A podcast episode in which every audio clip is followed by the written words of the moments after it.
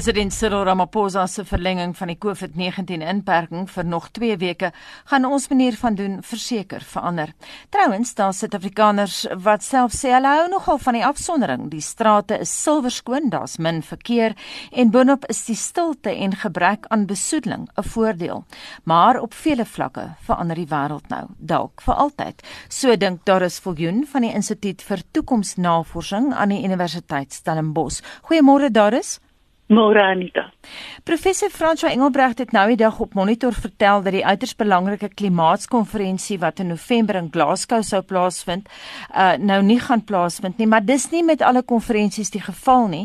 Trouwens akademici dink nou uit die kassie uit en jy het 'n baie spesifieke voorbeeld daar is. Ja, weet jy die afgelope naweek het ek 'n heerlike konferensie bygewoon. Um uit my eie persoonlike studeerkamer uit, so 'n bietjie meer as 4000 van ons het die Global Foresight Summit bygewoon waar elke uur het 'n ander spreker gepraat en dit was fantasties geweest. Daar is jy is nou besig met 'n doktorale verhandeling oor die toekoms van die werksplek en dis nou seker 'n ideale gevalle studie nou met COVID-19 hè. O ja, ek hoop almal is besig om massiewe hoop data te versamel. Um ek kyk veral hoe ons maniere van werk gaan verander en die paar goedjies wat ek nou dink is dat leiers en organisasies op hierdie stadium die wyse denkendes is waarskynlik al klaar besig om te besin oor die tipe persoon wat gaan terugkom want die persoon wat gaan terugkom na lockdown is nie dieselfde een wat so 2 donderdae gelede daar uitgestap het nie. Hm. Hulle gaan waarskynlik baie meer kiembewus wees, versigtig vir huispaknoppies en handvat soms en seker goeders en miskien gaan ons iets sien dat op 'n HR vormpie gaan self-isolasie nou dalk 'n tikboksie moet begin raak waar daar dalk kan druk wees dat as iemand naby my genies het moet daai persoon iewers apart gaan werk. Ehm um, maar die positiewe hier uit is dat ons waarskynlik verhoogde vlakke van digitale geletterdheid onder ons onder ons mense gaan hê. Ehm um, ons mag nie strik val om te dink die tegnologie waarmee ons nou met mekaar kommunikeer is nie dit is nie dit was al 'n tydjie lank nie. Maar ons het dit nou nodig en nou gebruik mense dit. En die mense wat gaan terugkom werklik toe gaan waarskynlik meer gewillig wees om nuwe tegnologieë te probeer. En hulle gaan 'n groter waardering hê vir die inligtingstelsels die mense wat sorg dat dit werk. So nuwe mense gaan terugkom Ons het nou die oggend gepraat met die ekonom Dawie Rood toe sê hy die 4de mhm. nywerheidsrevolusie. Daai ding is nou skielik oornag. Is dit nou met ons? Want mense moet nou van die huis af werk. Hulle moet nou met koneksies werk. Hulle moet nou hierdie nuwe maniere hê van werk. Ja. Ja ja. Kyk, ons praat van die adoption curve van nuwe tegnologieë. Nee, daar's altyd iemand en jy ken ook so iemand wat as iets nuuts uitkom, dan probeer hulle dit dadelik en hmm. gebruik dit sommer. En dan kry ons 'n stadige oorgang waar al hoe meer mense dit gebruik en dan aan die einde van die kurwe kry ons die mense wat regtig vaskop, nê? In Engels noem ons dit die laggards, nê? Hulle wil nie. Nou deur daai aanvaardingskurwe het ons nou waarskynlik 'n lekker hupstoot gekry, net omdat dit nodig was om daardeur te gaan. As jy pas by ons aangesluit het, ons gesels ver oggend met Doris Viljoen van die Instituut vir Toekomsnavorsing aan die Universiteit Stellenbosch. Doris, ek wil vir jou 'n vraag vra, maar 'n holistiese vraag op mhm. vele vlakke. Kan ons teruggaan na waar ons was en ek praat nie tegnologies nie. Daar's byvoorbeeld luisteraars wat praat oor spiritualiteit ver oggend, hulle manier van dink het verander. Weet jy ons moet asseblief teruggaan nie want hoekom? Um by die Instituut vir Toekomsnavorsing is dit die fokus van ons werk, nee. Ons probeer mense help dink oor verskillende moontlikhede want waar ons ook al staan in die huidige is daar altyd 'n groot reeks van moontlike opsies vir die toekoms. So kom ons nou wel terug gaan na iets anders toe. Um ek dink 'n groot geleentheid vir nou terwyl ons hierdie amper pause het is om regtig ten minste vir 'n tydjie van dit, want dit het nou langer geword. Kom ons gebruik of 'n dag of 3 om net te pause, né? Ons het 'n wonderlike unieke geleentheid om net te kyk en net waar te neem. En daai wat jy nou sê van mense wat wat dit nou begin ervaar en begin anders kyk na hulle goed, né? Um ek dink ons is in 'n baie spesiale geleentheid om nou 'n dag of twee aan te te gebruik om net waar te neem al die goed wat ons doen die hulpbronne wat ons gebruik, die aktiwiteite, die prosesse wat ons skei, ehm um, waarop ons ons hulpbronne spandeer. Ehm um, daar is 'n trap in hierdie affæretjie. Jou brein gaan dadelik wil spring na een of ander een ding wat jy moet doen of nie moet doen of so iets nie. Maar ek wil vir jou vra, jy weet, kom ons kom ons pause net en kyk en uit daai uit vermoed ek daar gaan baie innoverende nuwe planne uitkom. As mense net toelaat om 'n bietjie te stop. Daar is as jy nou 'n prentjie kan skets van hoe die wêreld gaan lyk waarheen ons gaan teruggaan, um, in terme van winkels en ehm um, plekke soos restaurante en so aan. Ehm um, gaan ons verskrik wees om daar aan te gaan of gaan ons net weer teruggaan? Dit is Suid-Afrikaners het 'n geweldige resilience. Die een ding wat ons kan doen is om terug te spring en ehm um, nie nie terug na die verlede toe nie, maar om hmm. om weer aan te gaan, om op te staan en nog 'n keer te probeer en weer aan te gaan. Ek vermoed mense gaan versigtiger wees en ons kan 'n klomp goeie goed leer uit die groter as ons nou net na die kiembewustheid kyk. Ehm um, dink ek met ons algemene die mediese mense praat van ons burden of disease In Suid-Afrika het ons geweldige TB, ons het ons gewone griepseisoen, algemene verkoues en so. So ek dink die lesse wat ons uit 'n groter kiembewustheid kan leer, kan dalk net goed wees vir ons gaan, terwyl ons vorentoe gaan. Maar ek vermoed ons gaan verseker weer teruggaan. Definitief, ons gaan weer in restaurante eet en ons gaan weer by mekaar kuier. Daar is in Nieu-Seeland Roger Dennis het al in ja. 2007 'n studie gedoen oor pandemie scenario's en ek weet jy het daai studie bestudeer en gaan lees. Dis 13 jaar gelede. Is dit vandag nog relevant gegee dat die tyd toe dit gedoen is was in 'n tydperk toe die tegnologie heeltemal anders daar uitgesien het? Mm -hmm. Dit in 2007 het hulle so 'n bietjie van daai studies gedoen en toe in 2015 het hulle 'n pragtige ding gedoen. Want wat hulle toe na gekyk het, was veral na die hulle noem dit die resilience van die supply chain in Nieu-Seeland en wat hulle gedoen het is was om te fokus op daai stadium onthou hier vroeg 20 hier in middel van 2014 daaroor was die groot Ebola krisis in Noord-Afrika gewees. En hulle het die lesse van die Ebola gevat en dit dit sou half gekyk en gekyk na die invloed wat dit kan hê op op die resilience van hulle supply chain. En hulle het veral gefokus op voedselsekerheid, maar hulle het ook baie wyeer gekyk en die rolspelers geïdentifiseer, knelpunte na gekyk en 'n paar baie goeie scenario's daaruit ontwikkel. Ek vermoed dit het vir hulle want daai tipe mm, amper kleed repetisie van wat iets kan wat kan gebeur in die toekoms het altyd vir leiers en dis besluitnemers 'n baie goeie um basis wanneer daar regtig 'n krisis kom. Uh, daar is as 'n toekomskundige, sou jy 'n ah. pandemie soos COVID-19 kon voorspel as jy nou dink aan die vorige siektes wat verbygekom het soos SARS, MERS, die H1N1, die voëlgriep en so aan? Weet jy in eh, vir in vir my persoonlik ek hoef nie die World Economic Forum se Global Risks Report kom elke jaar uit en al vir 'n hele paar jaar sit infectious diseases hmm. daar in die groot bokantste blokkie van die Global Risk Report. So in terme van is dit 'n risiko kan dit gebeur?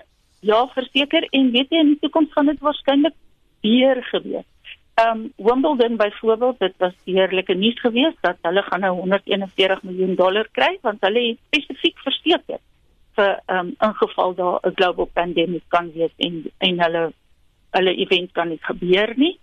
Um terwyl terwyl ons nou praat van daai lysie, daar's 'n paar ander baie skerry goed op daai lysie ook, nê? Nee. Vir my persoonlik, vir die wêreld maar vir Suid-Afrika spesifiek is die een wat my bekommerd maak is water. Want ons kan ons eie krag by die huis maak, maar ons kan regtig nie water maak nie. Ehm um, so die water is die een wat my bang maak.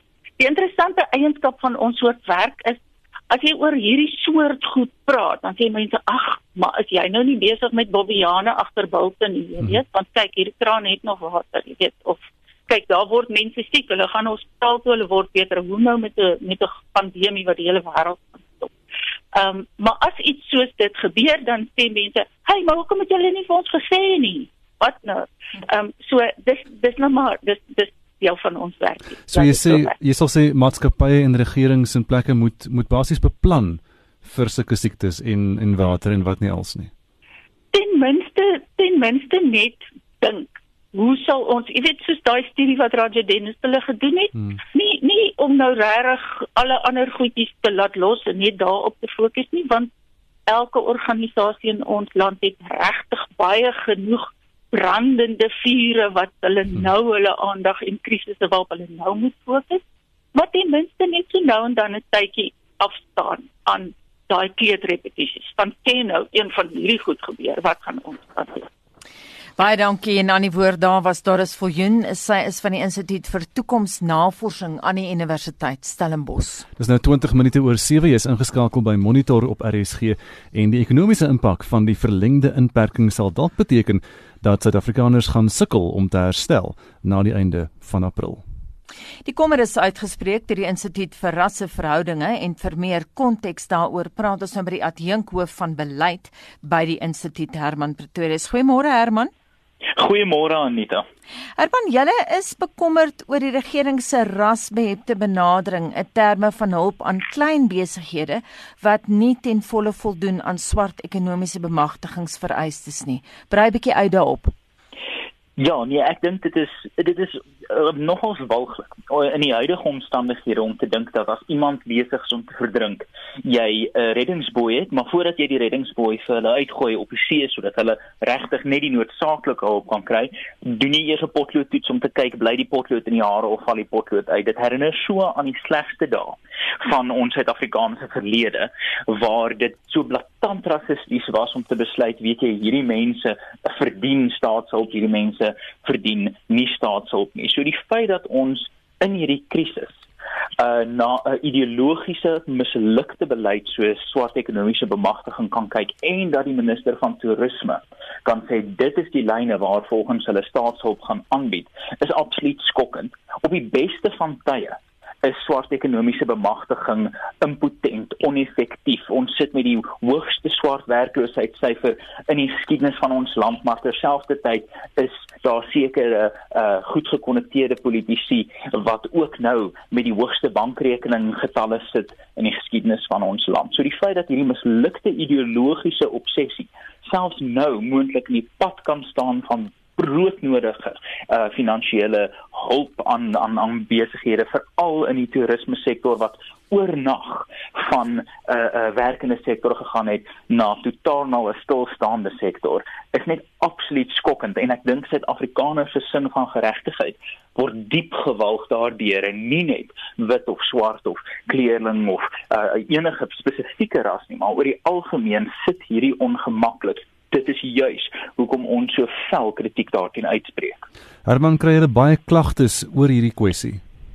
Ongelooflik baie klagtes. Kyk as as jy jouself gaan uitgee as 'n uh, die instituut vir rasseverhoudinge, hmm. dan gaan rassekwessies natuurlik by jou uitkom, maar hierdie kwessie het met 'n spesifieke en 'n en 'n en 'n volgens my amper 'n ongekende woede by ons uitgekom. Mense kan nie verstaan om mense kontak ons van van alle sektore. Ek het nou eendag gesels met 'n met 'n 'n dame wat in in in diere medikasie is en uh, sy sê dat de, sy sy uh, hierdie hierdie hierdie uh uh, uh rassistiese kwessie dit lê nie die grondvlak daarso as die toerisme industrie dit kan doen hoekom uh, kan ander industrieë nie ook sulke rassistiese maatreëls neem nie so ons kry ongelooflik baie klagtes van die toerisme en die hospitaliteitssektor self maar ook ander besigheidseienaars wat dink my maggies as onder hierdie omstandighede my regering nie eers kan dink ek is ek is die moeite werd om nou om te sien as ek 'n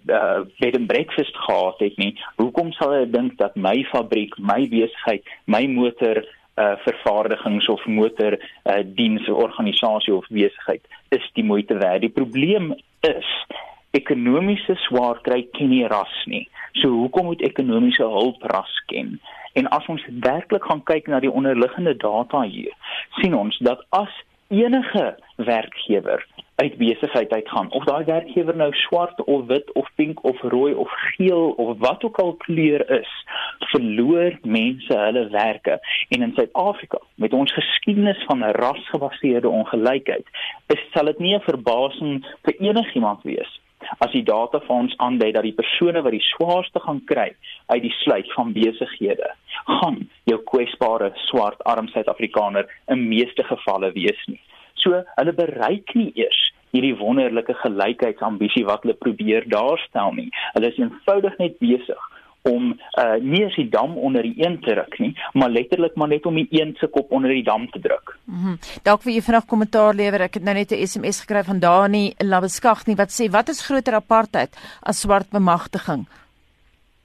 Weet jy die dit is ehm um, dit dis daai daar's daai George Orwell aanhaling uit uh, uit Animal Farm. Die die diere het buite gestaan en van die vark na die van van een dier na die ander van die vark na die mens die mens na die vark gekyk en hulle kon nie meer agterkom watter een is wat nie. Apartheid se rasgebaseerde benadering was verkeerd en die ANC se rasgebaseerde benadering is verkeerd. Dit is volgens my as iemand wat nou kyk na die politiek en so, is dit my geen verbasing dat die NP op die ou einde in die arms van die ANC gesterf het nie, want hierdie is so teksboek die verkeerde rassistiese invlag wat hierdie land in soveel chaos al reeds gedompel het. Herman, uh, ons praat nou so oor hierdie kwessies. Ehm um, baie van hierdie goed word nou genoem in terme van die rampbestuursmaatreëls. Maar oor 'n paar maande van nou of hopelik 'n paar weke van nou dan gaan die rampbestuurs uh, dan gaan die die ramptoestand opgehef word en dan die minister skielik weer minder magte.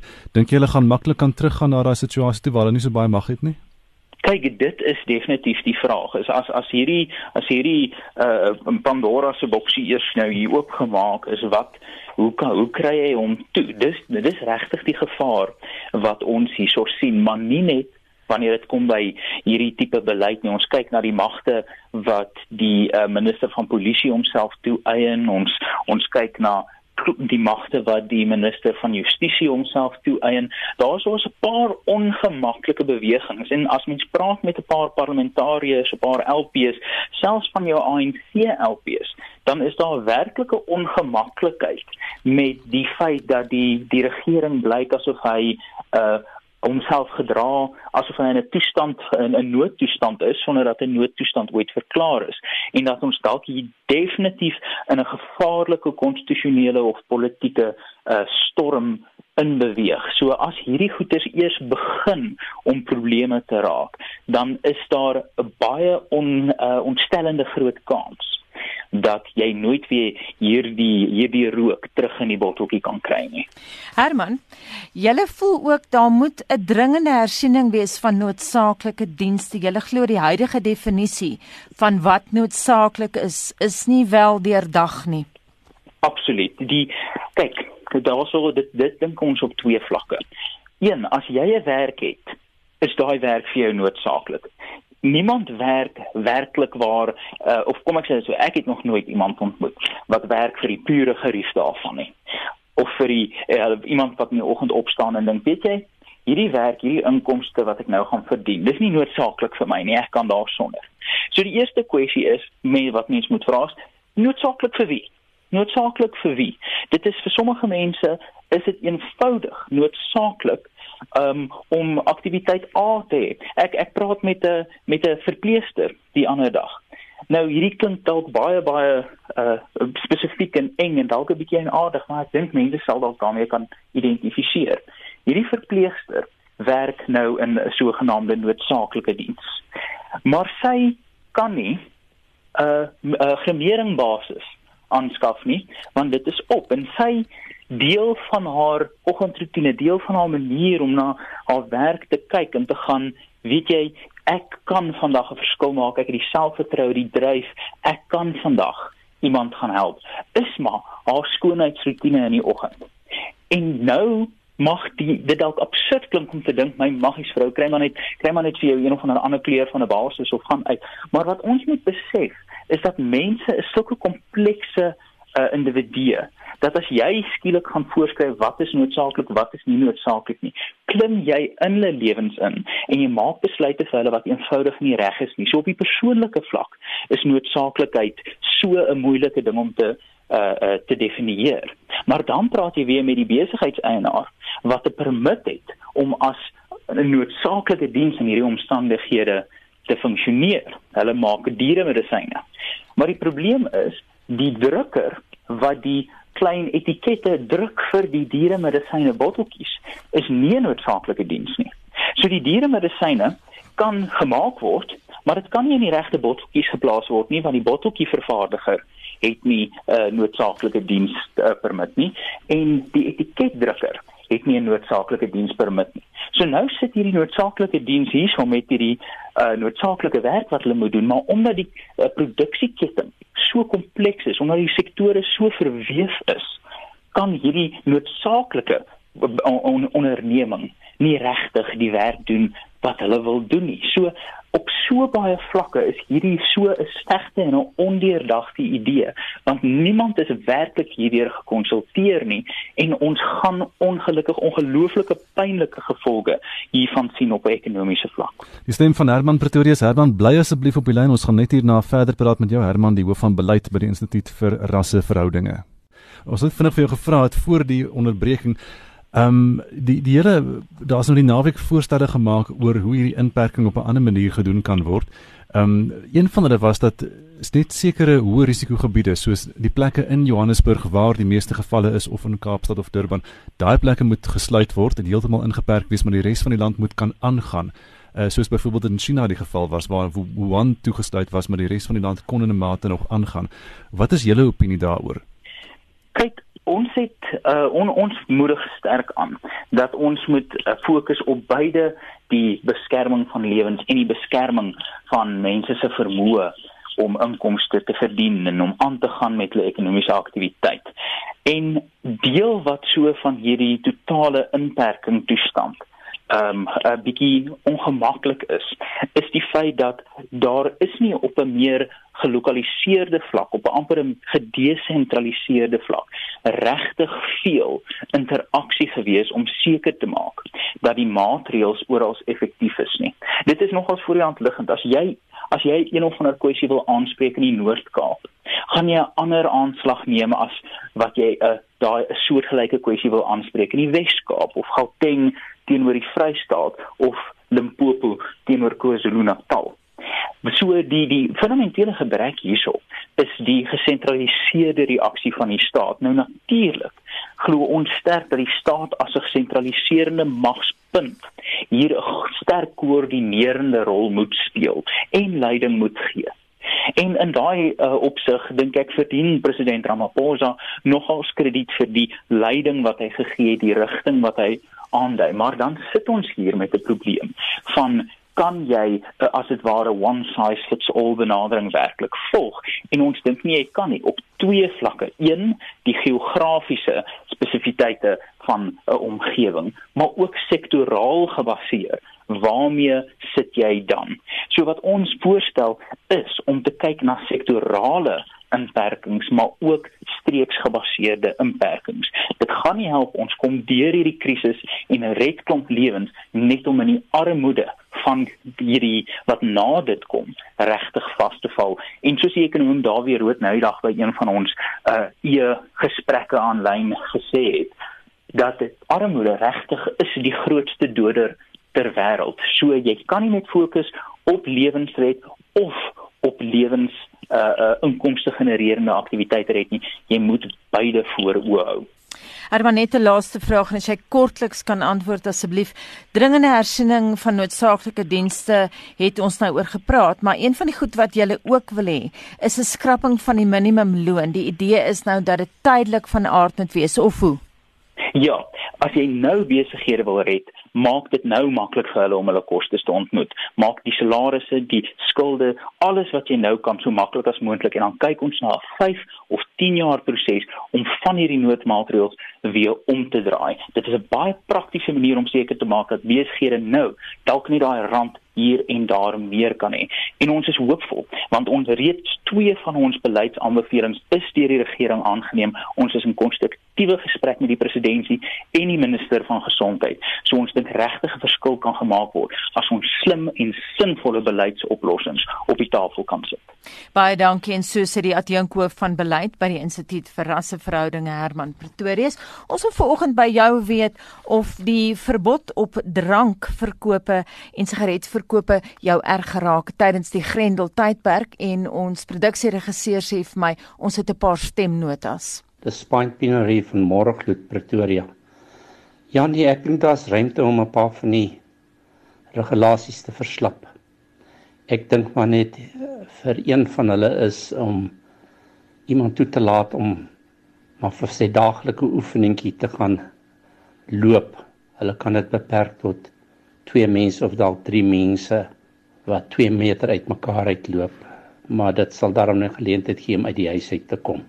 Ek dink jy sien makliker 'n vreemdeling as jy drank in dit as wat jy koffie in het. So dit kan ek verstaan, maar die sigarette, ek is ook glad nie 'n roker nie. Ek het 'n aversie teen rook, maar steeds sê ek jy gaan nie help om met jou rook nie. Dit reuk net asof jy daarvan afkom. Maar ek kan glad nie verstaan dat 5 weke se inperking van sigarette noodwendige verskil aan jou longe gaan maak nie. Ja, ek sal sê dit is 'n goeie ding om die sigarette weg te vat. Maar nou moet hulle verstaan, ons mense wat werk vir sekuriteitskompanies, hulle sit ons lewens in gevaar want hulle gaan die plekke breek. Ons het ook vrouens en kinders. Ek dink nie inperkings moet verslap word nie. Die spreekwoord gee hom 'n pinkie, dan gryp hy die hele hand is die mense natuur. Ja, bly ingeskakel want net voor 8 het ons nog terugvoer van jou, die luisteraar. Dis 23 minute voor 8 nou en in wêreldnuus 'n ramptoestand is vir die eerste keer in al 50 state in Amerika verklaar en Jean Estreisen hierdie jongste. Ja, die Amerikaanse president Donald Trump het amptelik die presidentsiële ramptoestand onderteken. Volgens Trump mag federale noodfondse nou gebruik word om COVID-19 te bekamp. Intussen het Amerika die meeste sterftes ter wêreld weens die virus aangeteken, meer as 22000 sterftes. Meer as 550000 mense is met die virus in die land besmet. In die Verenigde Koninkryk is die dodetal nou 10612. Intussen is die Britse eerste minister Boris Johnson uit die hospitaal ontslaan waar hy vir COVID-19 behandel is. Johnson het mediese personeel bedank vir sy behandeling. I've today left hospital after a week in which the NHS has saved my life. No question. We will win because our NHS is the beating heart of this country. It is the best of this country. It is unconquerable. It is powered by love. So, thank you from me, from all of us, to the NHS. Intussen het China die meeste daaglikse gevalle in 6 weke aangeteken met 108 nuwe gevalle. Nou meer as 3 miljoen mense het gisterand op YouTube ingeskakel om die opera-sanger Andrea Bocelli in die Lee Milaanse kathedraal in Italië te sien optree. Ja, Bocelli wou 'n boodskap van hoop aan die wêreld stuur waar burgers se beweging ingeperk word weens die koronaviruspandemie. Hy sê hy glo in die krag van saam bid om die virus te styd. Net die oralis was saam met Bocelli in die kathedraal. Hy het onder meer die lied Amazing Grace gesing en kom ons luister na 'n uittreksel. Amazing grace how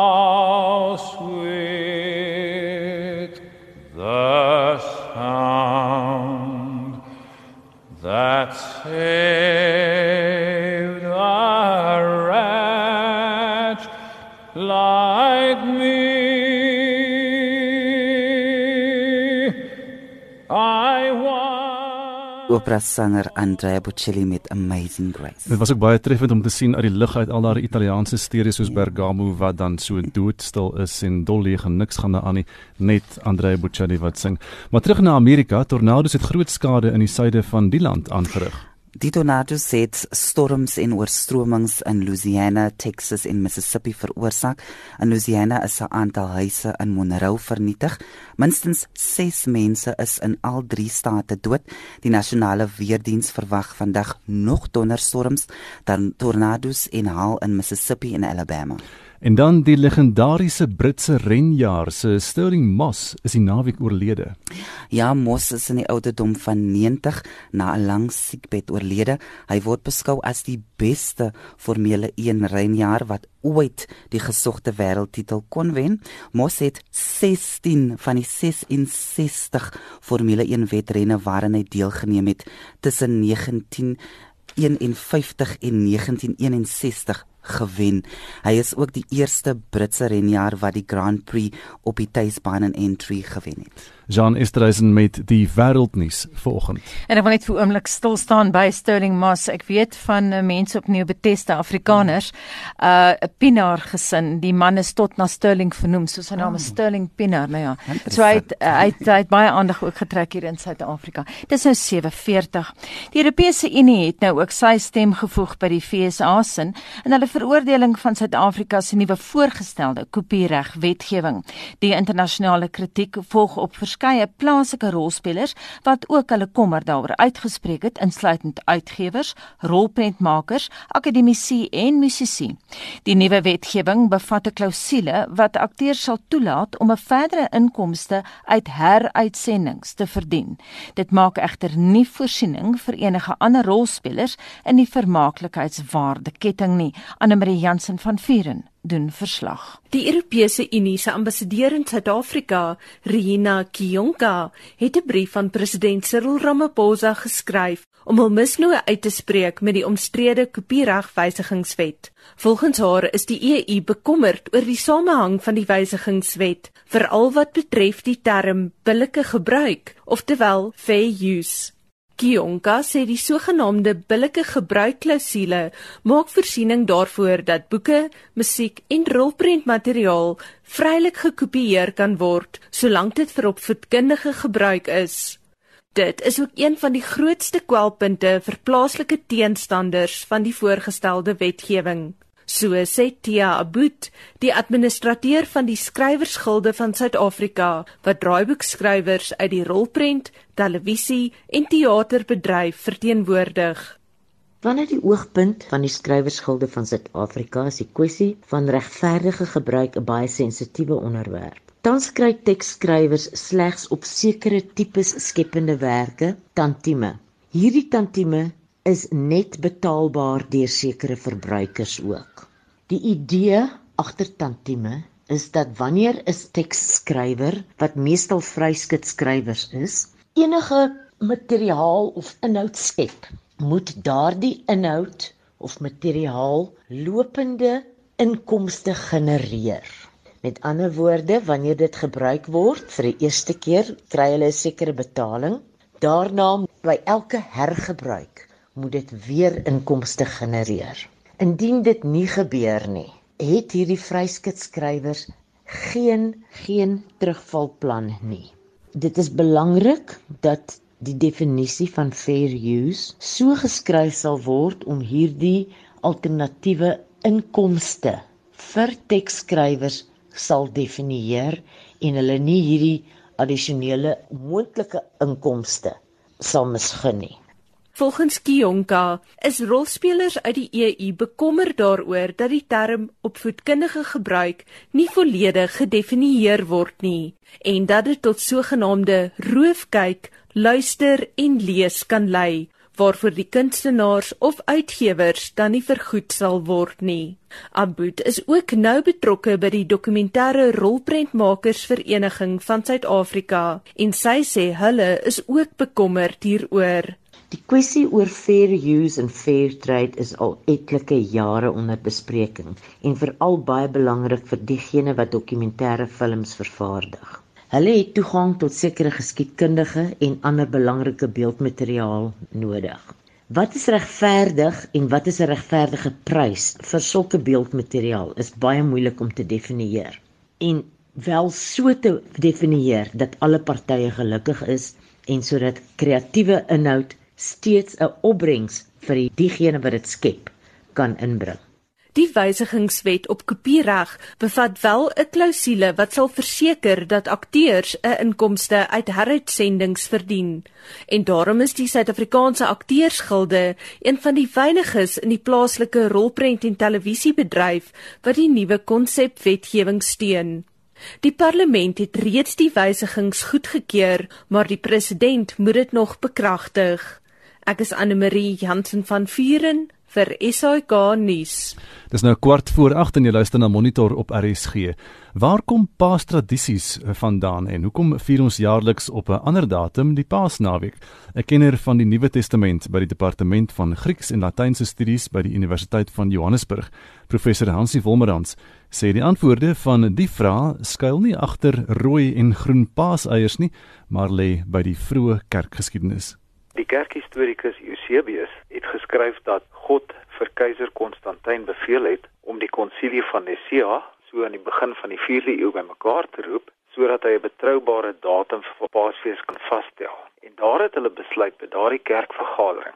Dis hoe 'n mens Paas Sondag bepaal. 1. Jy begin by die datum waar dag en nag ewe lank is. Dit is so rondom die 20ste Maart. Dit word die equinox genoem of die nageweningspunt in Afrikaans.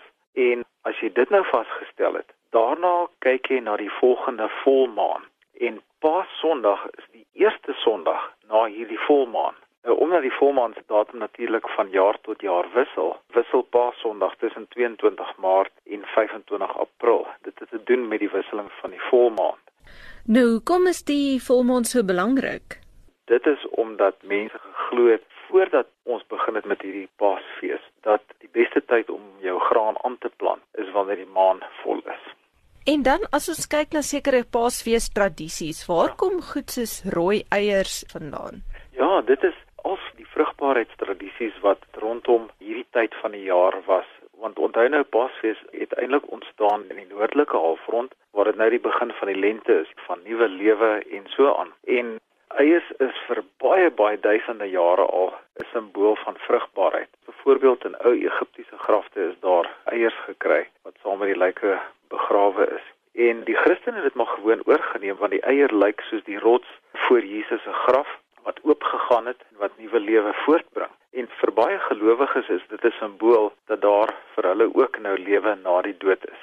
Die paaseiers was oorspronklik in hierdie feestyd van lente hardgekookte eiers gewees. En dit is rooi geverf vir die eerste keer in Mesopotamië om die bloed van Jesus te simboliseer en baie gelowiges maak ook groen eiers om die nuwe lewe wat in die lente voortkom te simboliseer. En ek weet dat in baie kerke word daar op Paasondag 'n paaseier soektog vir die kinders gehou. En dit gaan terug op die koskaarste wat daar was met die aanplant van graan wanneer die lente begin het. Het mense kos gesoek. So met ander woorde die paaseiers gaan terug na baie baie voorchristelike tradisies. En is daar ander kosse wat tradisioneel in die lydenstyd geëet word? Lydenstyd is natuurlik 40 dae voor Paasondag. En gedurende die lydingstyd voel baie mense dat hulle graag die angs en die onsekerheid wat Jesus deurgemaak het voor sy kruisiging, dat hulle ook daaraan wil meedoen. En daarom sal baie Christene iets prys gee. Byvoorbeeld hulle sal nie vleis eet nie of hulle sal nie sjokolade eet of lekkers of wat ook al nie gedurende hierdie 40 dae om voor te berei vir 'n goeie Vrydag. Ook as 'n simbool vir boetedoening en as deel van hulle gebedsvoorbereiding. En ehm um, gevolglik is die brood wat geïdentifiseer word met Paastyd. Dit is gewoonlik baie eenvoudige brood. In Duitsland het hulle hierdie pretzelbroodjies wat slegs gemaak word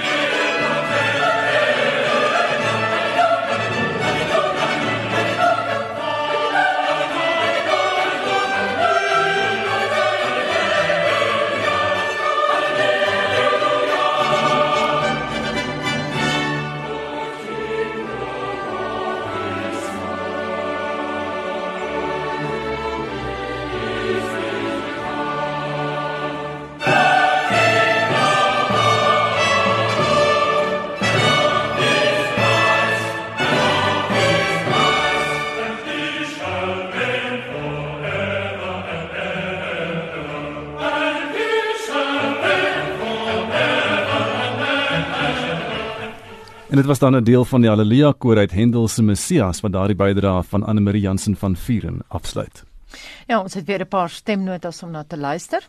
Ek het 'n voorstel. Kliënte moet beperk word na gelang die grootte van die winkel sodat die sosiale afstand steeds gehandhaaf kan word. Ek dink as alle besighede op 'n Vrydag 12uur sluit en eers weer op 'n Maandag 12uur oopmaak, kan dit dalk help. Daar moet heeltyd nie samedromming wees nie. Dit moet gekontroleer word na gelang die grootte van die besigheid. En dan op ander dae, as besighede 9uur kan oopmaak en 4uur kan sluit, dra maskers en hou jou hande skoon. Dit is nog 'n goeie voorstel dink ek. Ek sê ook verbied drank en verbied sigarette. Ek het my eie tuisgemaakte drank, 'n lekker koppie koffie en my tuisgemaakte sigaret is my nebulizer. Ek kan net soveel rook en stoom uitblaas by hom. Nou ja, dis 'n paar stemnotas van luisteraars en net voor 8 gaan ons nog terugvoer gee. Ons kyk 'n bietjie na ons Facebookblad ook. Ons fokus ver oggend 'n bietjie op die inperking en watter effek dit het op drankverkope en sigaretverkope. Ons het baie klagtes veral oor sigaretverkope, mense wat begin sê hulle voorraad is op.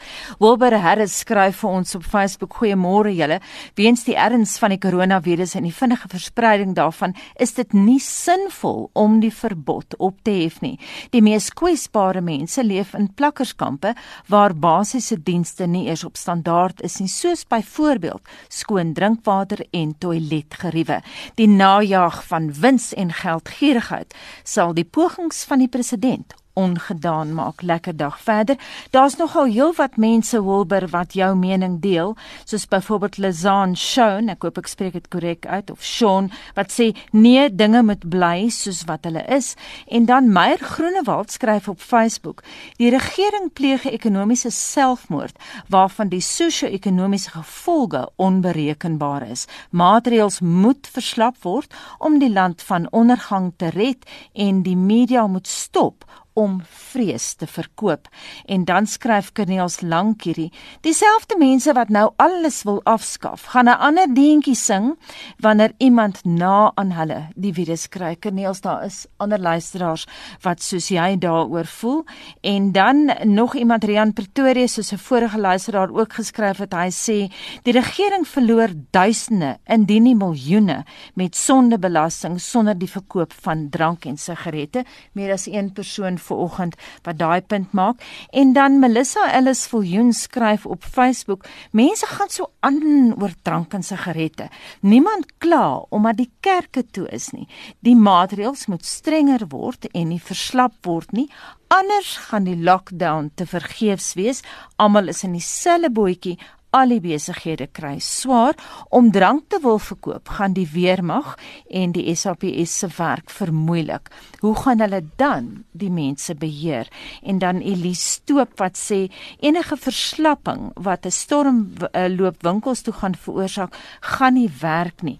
Dan is ons lockdown alles verniet tot nou. So dit klink of Melissa en Elise daar saamstem en dan die laaste woord vir oggend uh, wat ons SMS terugvoer terugvoer betref gaan aan Helen Boshoff wat sê nee dit moet bly net soos wat dit is. Bly in jou huis. En daai raad kom van Helen Boshoff af. En ek sien iemand vra kan waar kan hulle kyk na Andrea Bocelli? Jy kan nog steeds gaan kyk op Andrea Bocelli se YouTube kanaal na die hele uh, konsert wat hy gisterand in Milaan gelewer het. John, wat gebeur het in Spectrum later vanmiddag?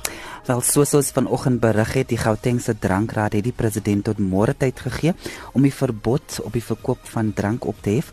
Ons kyk hierdie saak van nader. Die olieproduserende lande Opel het bereik ooreenkoms wat produksie ingrypend sal verminder. Dit het bepaalde implikasies vir die brandstofprys in Suid-Afrika en aan Paasfees was vir baie mense maar nog net 'n naweek by die huis. Daar's woord vanoggend aan Jean, ons groet namens ons waarnemende uitvoerende regisseur. Hy's ook die warm die man in die warm stoel vanoggend. Wesel Pretoria is ons produksieregisseur was Daitron Godfrey en my naam is Anita Visser. Praat saam is volgende op RSG met Lenet Fransis Pieron. Ek is Gustaf Vreiding. Mooi bly. Tot môre.